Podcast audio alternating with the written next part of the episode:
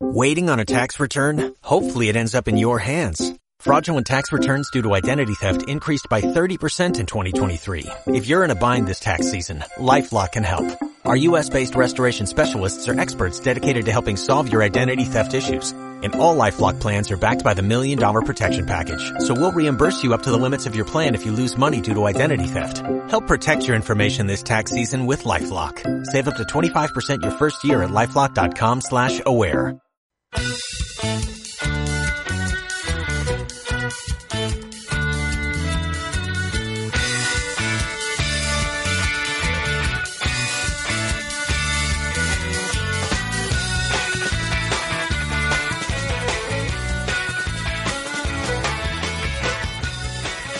Kaixo eta ongetorri guztiei, hau aizirimola da, ezkuntzaren, ezkuntza ez formalaren zirimola. Asteroko ordu erdiaz, aiaraldea irratiaren bitartez eta bizkaiko utzintia eskolak ikostutako programa txiki honen bitartez, ba, zuen gana, egunerokoan erabiltzeko pista batzuk eman asmoz, ekarri asmoz.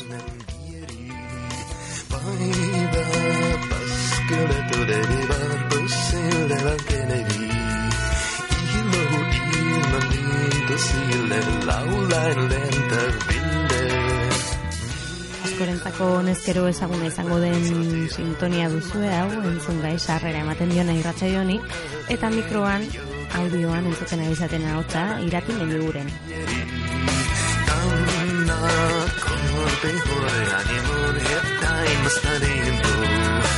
Otzale, osato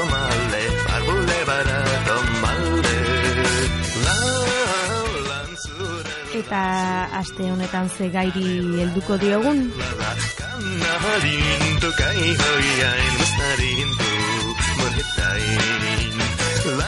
Bada soinen munduan murgilduko gara. Musika nain zuzen ere izan ere musika bada adar garrantzitsu bat aurraren garapenean eragiten duena zalantzarik gabe eta gu guztion garapenean ere eta bizipenetan ere sekulako garrantzia eta presentzia izan ohi duena.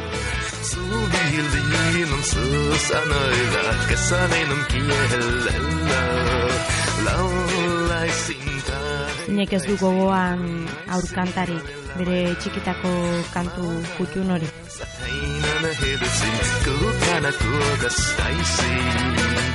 Zeinek ez du ederki pasa jolasean abesten berritmoak markatuz, dantzatuz, soinuaren arira.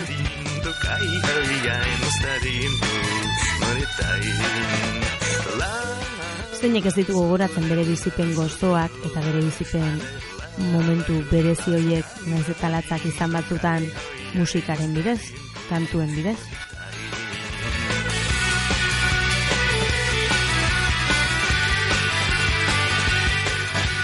Musikaren sorreretar joko dugu historiako hainbat datu berreskuratuz, baina ez gara horretan zentratuko gaurkoan UESik ateratako aldizkari bat hartu eta musikak aurraren garapenean duen eragina aztertuko dugu.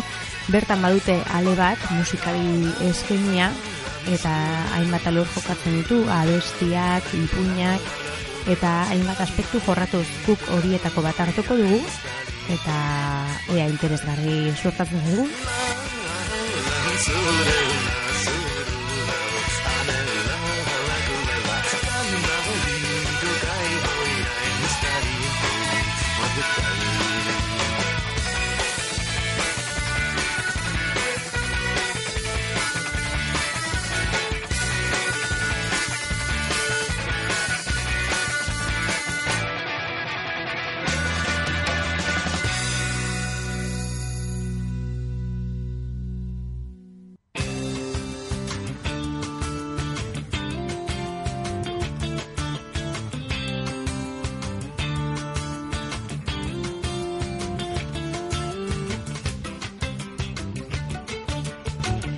Eta zer den musika? Hori galdetu diogu guk Wikipediari ere. Eta zer esan digu musika bitartekotzat soinua darabilen arte bat dela.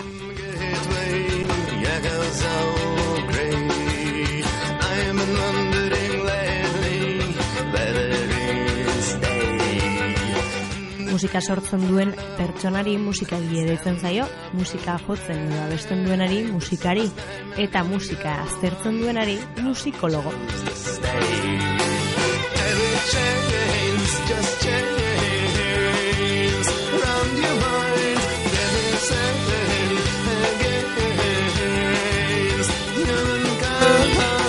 Zehatzago besateko musika soinu kombinazio edo mintzaira da.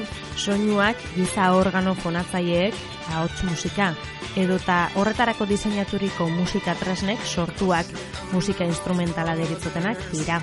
Zibilizazio batetik bestera aldatzen diren printzipio teknikoen arabera landuak eta antolatuak izan direnak.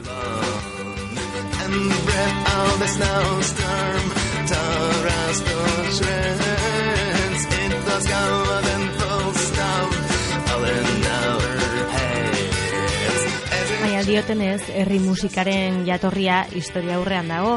Segurazki, hasiera batean erlijioari oso ez du loturik izango zen, eta eginkizun estetikoa baino areago magiko simbolikoagoa izango zuen. Musika mota hori talde etniko eta kultural guztiek dute. Gehien bat ahozko tradizioz transmititzen da eta bere garapenak eta evoluzioak bide ezberdinak jarraitu dituzte zibilizazio bakoitzean, baina beti ere teknikoki naiz instrumentalki simplea izaten da. Eta gai jakin baten inguruan variazioak improvisatzeko aukera ematen du. Musika horren barruan sartzen dira, hasi tribu primitiboen abestietatik, eta gaur egungo jazeraino herrialde ezberdinetako folklorea eratzen duten manifestazio musikal guztietatik pasata.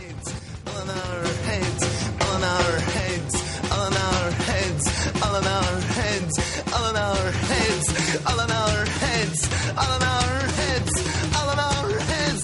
One, two, three, four. Mendebaldean musika jasoaren garapena Grezian eta Erroman hasi zen eta handik Europa osora zabaldu zen bi bilbide erabiliz musika profanoa eta erlijiosoa. Azken hori kristautasunaren edapenari zuzenean lotua dago. Tarteko Gregoriar kantuak aipa ditzakegu, zazpigarren mendean polifoniak, pentagrama edo paper paut, pautatuan musika idazteko moduak amaikagarren mendean, eta hola segiz gero berpizpunde gara irarte.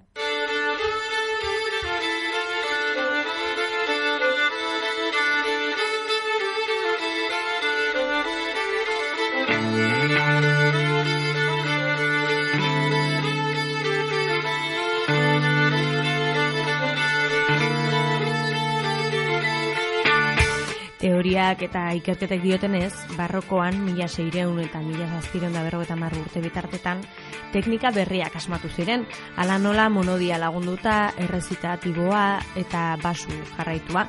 Aro hartan jaio zen opera ere, eta Bach eta Händel bezalako maisuek musika polifonikoak lortuak zituzten perfekzioa erakutsi zuten. Was much like it had been gripped by fingers ten, and there the lay all good it man, like a. Apurtxu bat beranduago bieneko eskoletako ordezkoak etorri ziren, sinfonia eta kamara musikarekin hainbat forma bideratu zituztenak, garai hartako musika sorkuntzako almen handiaren erakusgarri bikain ditugu Haydn, Mozart eta Beethoven.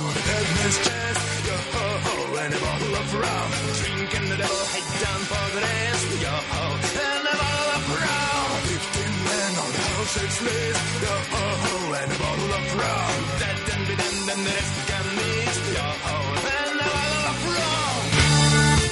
Hogeigarren mendean musikaren joera ohiko arau formalak eta konposizioarenak austea izan da, atonalitatea eta dodekafonismoa bezalako joeren bitartez. Estatu batuetan jasa sortzearekin eta aurrerapen teknologikoekin musika konkretua eta elektronikoa ere etorri ziren. Mila bederatzi den da berrogeta marreko amarkadan berrikuntza handiak egin zirelarik eta disko jogailuaren eta irratiaren zabalkundeak maizu zahar eta kompositore berrien obrak eratu zituzten mundu osoan zehar.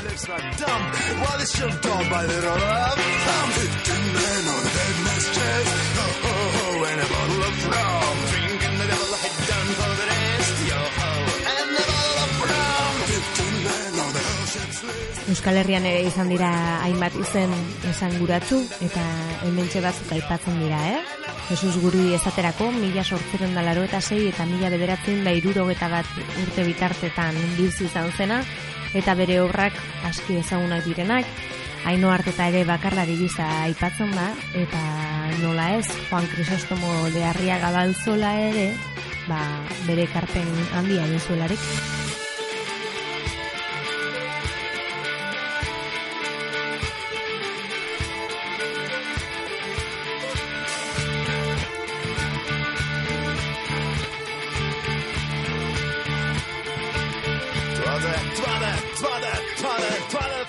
Musika tresnen artean erabilienak edo aurrezkuntzan eta hezkuntzan ikasienak hoi direnak perkusio instrumentuak, haize instrumentuak eta ari instrumentuen artean kokatzen dira. Danborra, txindatak, xilofonoa, txirula, bultzaina, oboea, trompeta, gitarra, in a fairy well, in a silent plunge, in a silent swell, for flat on the road. Hell! Fifteen men on a dead man's chest, ho, and a bottle of rum.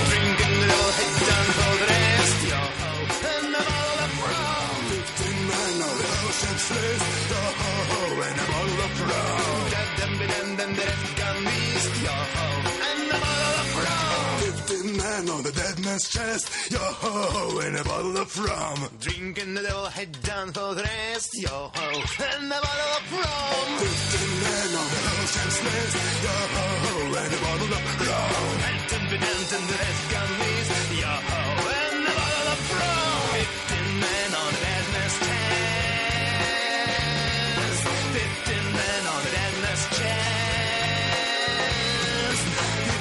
Men on the dead man's chest.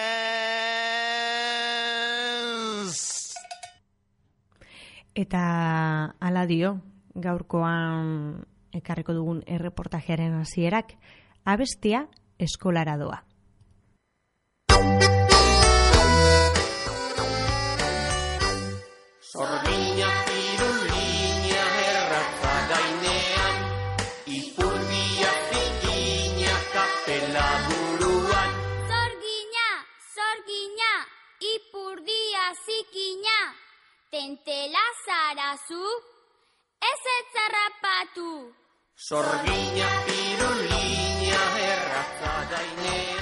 Marabillas Diazek idaztako artikulua da ondoren irakurga izango duguna eta musika aurraren garapenean izeneko jakingarrietan berrogeta zeigarren zenbakian alegia agertzen da erreportaje hau. 2000 eta bian argitaratu zen, baina ziurrenik gauza interesgarri asko jasoko ditu orainek entzun dezagun. Zorgina, ipurdia zikina, tentela zarazu, ez ezarrapatu. sordina pirulina erratza gainean, ipurdia zikina kapela buruan. Zorgina, zorgina, ipurdia zikina, tentela zarazu, ez etzarrapatu.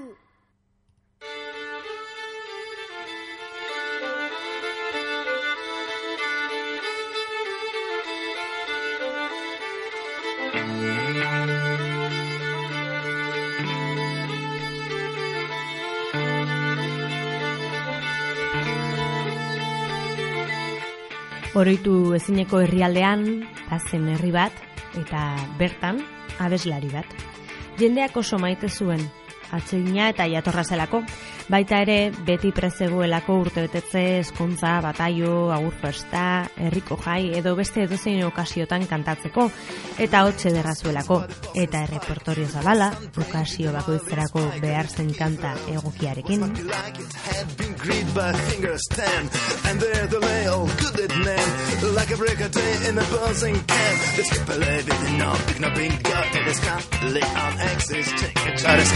Marabillas diazen ahotsetan horrela hasten da musikaren irakurketa eta idazketaren jatorrian dauden hainbat historietako bat.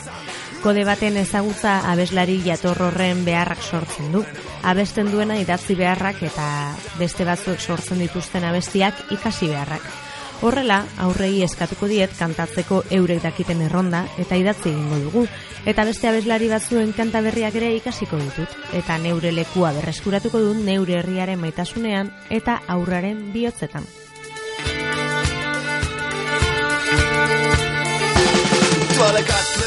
Aurrei kantatzeko eskatzea, Historia honetako abeslariak gure aurrei abesti bat eskatuko balie bere kantutegi partikularrerako. Ez dakite luken oso errepertorio urria eta laburra bilduko. Zalantzarik gabe galdu egiten dugu abesteko itura. Gero eta gutxiago dira txikienei abestiak irakasten dizkieten helduak. Eskolan ez da behar bezain beste abesten eta sarritan abesten denean ez da behar bezala egiten. Abestia denbora pasatzeko baliabidetzat erabiltzen da. Hau da, nola ala bete behar den utxartea betetzeko, baina horrela bere balio pedagogikoa indargabetzen da, eta abestiaren bidez landu litezken alderdi asko alde batera usten dira.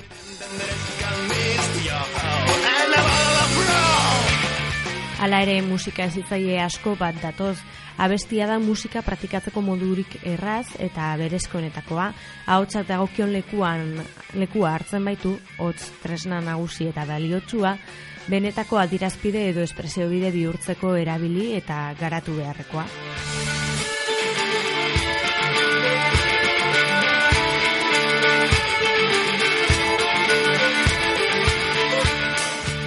Abestia, betiko zerbait, aurrezkuntza.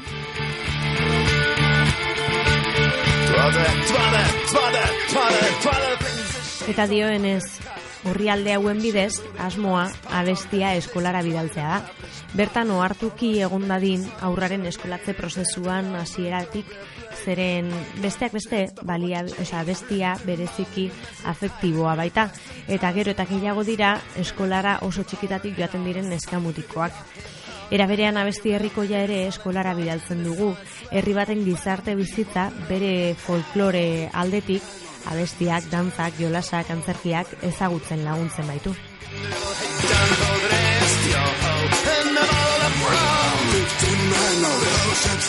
Kontuan izan behar du aur kultura tradizionala, ahoskoa, keinuzkoa, galzorian dagoela. Ez dugu uste folklore musikala bere ala desagertuko denik, izan ere kantutegi asko argitaratu da azken aldian. Alaber, erkidegotako oinarrezko ikasketa planek gehiago de gutxiago kontutan hartzen dute musikal folklorea, baina ez dezagun astu kalea orainik ez dela lehenengoa, gure ohituren transmisio bide alegia, horregatik eskolak eginkizun garrantzitsua bete dezake usadiozko kultur elementuak zabaltzeko eta horiekeko jarrera aktiboa sortzeko. Men on chest.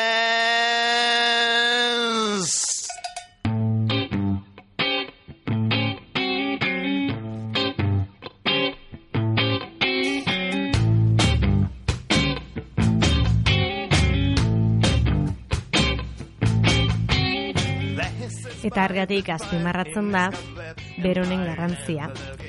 Kulturra beraztasunerako tresna gisa. Honen bidez, iristen zaizkielarik neskamutikoi beren ingurunean ezaugarri diren tradizioak, edukiak eta adierazpideak. Abestia eskolara bidaltzen dugu, abestiaren bidez, izaten delako lehenengo bizi esperientzia zuzena musikarekin, melodia eta erritmoa biltzen dituen eta harmonia zehar bidez daramaten abestien bidez.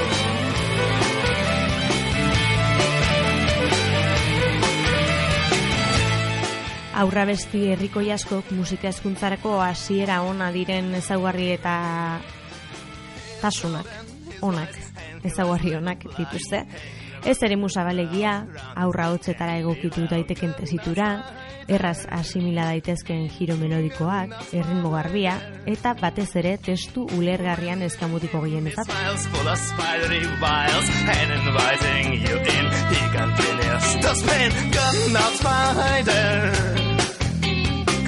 out spider. Gure kantutegiak baditu alaber, herri kantak, gure irakaslentzat oso erakargarriak, baina ipaturiko ezaugarri horiek gabeak. Horrek ez du oztopo izan behar gure repertorio posible horretan sartzeko musikalki oso interesgarriak izan daitezketa, beren egitura melodiko eta erritmikoengatik.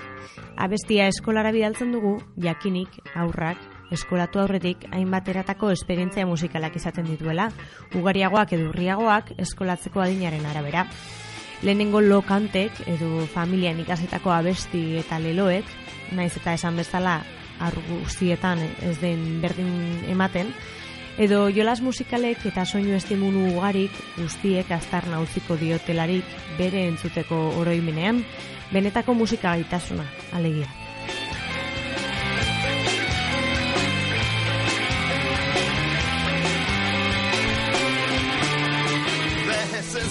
Musika ezitzailean eginkizuna izango da ikasle guztiek eskolara ekartzen duten gaitasun hori aurkitu eta garatzea.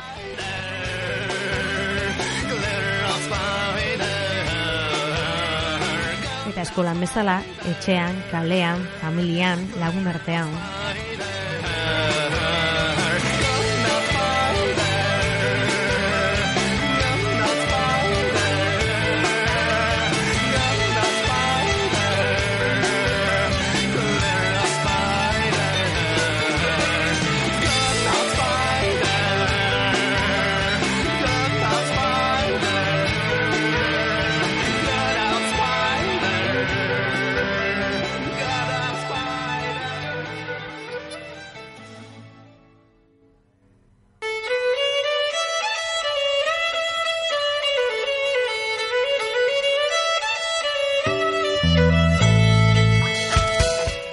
Errepertorio egokia aukeratzaren inguruan azterketa ugari egin izan dira nazio artean. Helduen eta aurren artean hezkuntzan musikak izan behar duen lekua aztertu izan dute askotan, baita eskolarako aukeratu behar diren errepertorioen arira ere. Eta bilkura haietatik ondorengo proposamenak atera dira. Bere lekua izango du benetako musika folkloreak benetako hezkuntza balioa daukanak.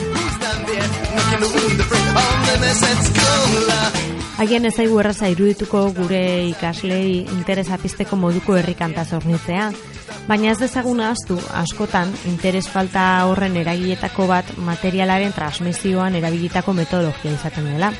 Kurrikulum proposamen bat musika irakaskuntzan musika irakaskuntzaren izaerari egokitzeko irudimen pedagogikoa behar da. Usadiezko kantutegi naiz bestelako musikaren hizkuntzarekin elkarrekintzan jarduteko aukera ugari eta aberatsak aurrei eskentzeko.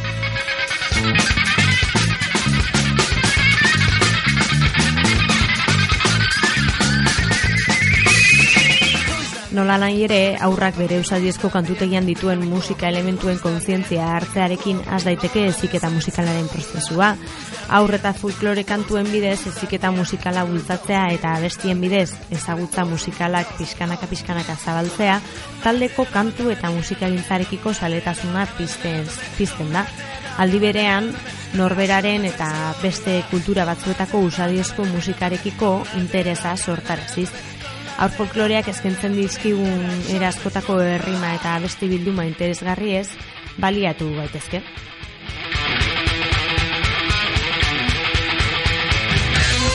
Behin eta berriro errepikatzen gozatu egiten baitute neska mutikoek, eta guk hor esku hartu behar dugu modu erakargarrian aurkezteko, ere ikasleen parte hartze bizi eta ernea bilatzeko. Down there? Reckon it's five for me. Who's down there? Reckon it's five for me. Who's down there? Reckon it's five for me. Reckon, reckon, reckon, reckon. Melodia, ritmo, harmonia, forma eta literatura aldetik eskaintzen duten anistazun mugagabearen artean eta ikerketarako jarrera izanik jokatu behar dugu. Galduta eta galtzorian dagoen material baliotsua alden neurrian berreskuratzeko eta orain daukagunari eusteko. Beti ere ikasleak bere sormenarekin parte hartu dezan beharrezko aukerak bilatuz. Maybe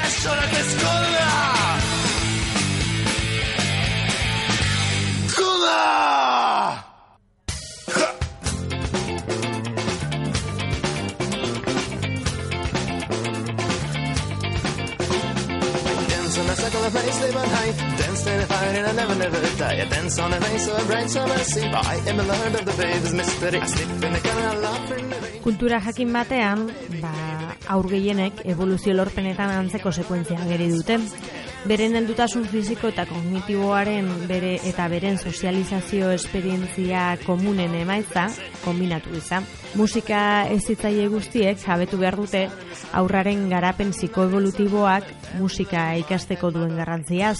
Gero eta hobeto dakigu garapenaren dimentsio kognitibo eta sozial eta afektiboa ezin direla aztertu elkarren handi banatuta eta hori guztiz bat dator eziketa musikalaren premioekin. Horregatik eziketak oinarri sendoa izan behar du evoluzioaren psikologian.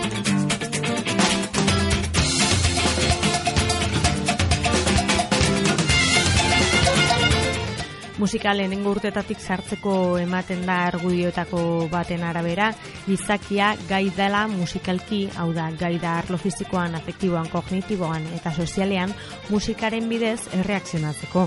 Musikaren estimuluari pasiboki edo aktiboki erantzun diezaiolarik. Azken hamarkadetan aurrak garapen integralik onena lordezan bere bizitzako lehenengo hilabetetan estimulazioak duen garrantzia azpimarratu izan da. Eta nola baitere, harreta berezia jarri zaio musika estimuluari.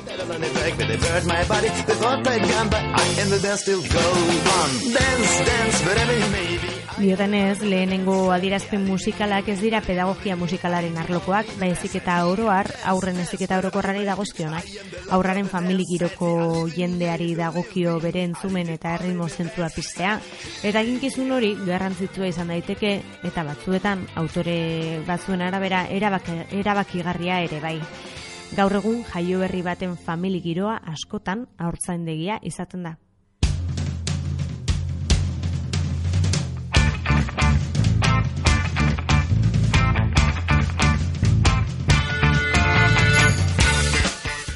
Eta zetasunez, sei hilabetetik aurrera errepikapen silabikoen garaia azten da. Bokalak eta kontsonanteak ahoskatuz, bederatzi hilabeterekin bokalak esateko gaitasuna izaten dugu, eta mabirekin kontsonanteak. Gutxik, zehaztuak, heldu baten sistema fonetikoarekin konparatuz. Honela, atzera elikatzen den erantzun zirkuitoa sartzen da.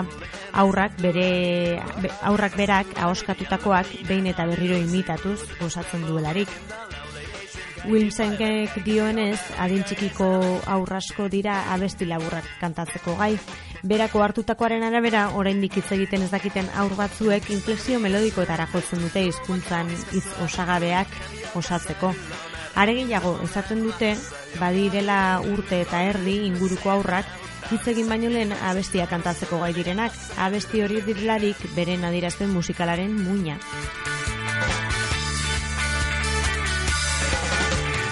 Konbentziturik daude musikak 0 iru urte arteko neskamutiko entzat eskaintzen dituen komunikazio aukera mugagabeak direla. Zehazka kantak, musika grabatuak, jaio berriak ahotsa egiten duen hotz helduak edo aurrak banaka edo taldeka abesten duten kanta, Horregatik, adin honetako aurrak bere ardurapean dauzkaten ezitzaiei musika fitxategi bat egitea proposatzen zaie, eta soinu unibertso honetan zar ditzala eraskotako abestiak. Bere eginkizun garrantzitsuen lagun garra, bere eginkizun garrantzitsuetan lagun diezaiote.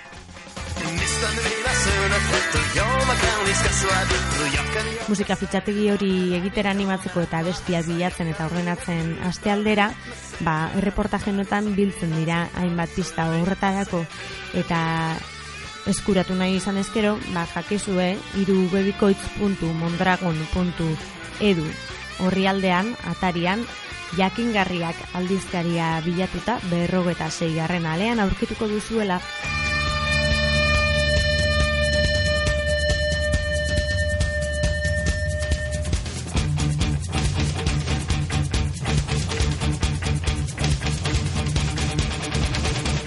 eta bertan zehazten dira hainbat gomendi horretarako abestia zer eta bat urtentzako, bat eta hiru urte bitartentzako kantuak, lau urtetik aurrera lantzeko kantuak, eta gaian sakondu nahi izan ezkero, ba, erreportaje hauek biltzeko erabili diren bibliografiak eta kontsultaturiko kantutegiak.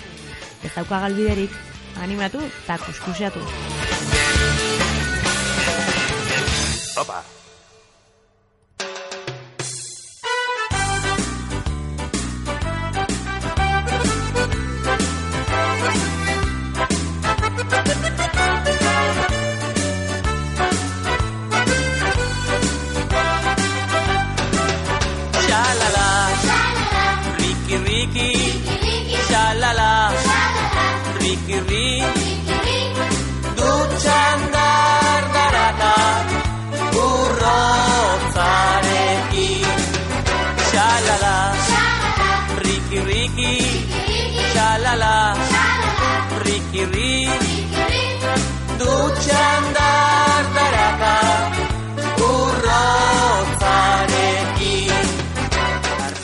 Musika eta garapen sozio pertsonalaz ere badago beste hainbeste idatzita, bertako jakingarrietan, eta ipuña eta musikaren arteko maitasun historioak ere azpimarratzen dira.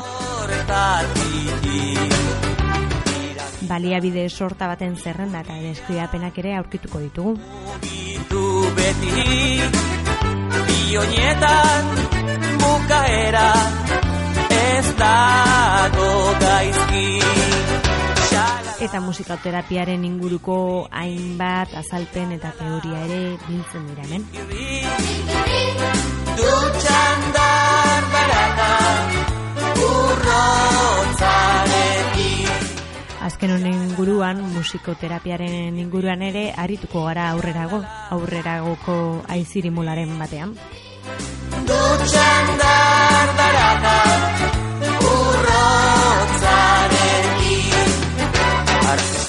Bien bitartean, gozazazue xalala rikirri kantu honekin hain ezaguna den, eta aurrekin, gaztetxoekin eta alduekin, zenbat gozamen eta zenbat une divertigarri eskaini dizkigun kanta honek.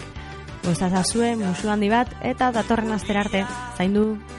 mugitu beti Bionietan bukaera ez dago gaizki la la. Ricky, Ricky, Ricky, la la.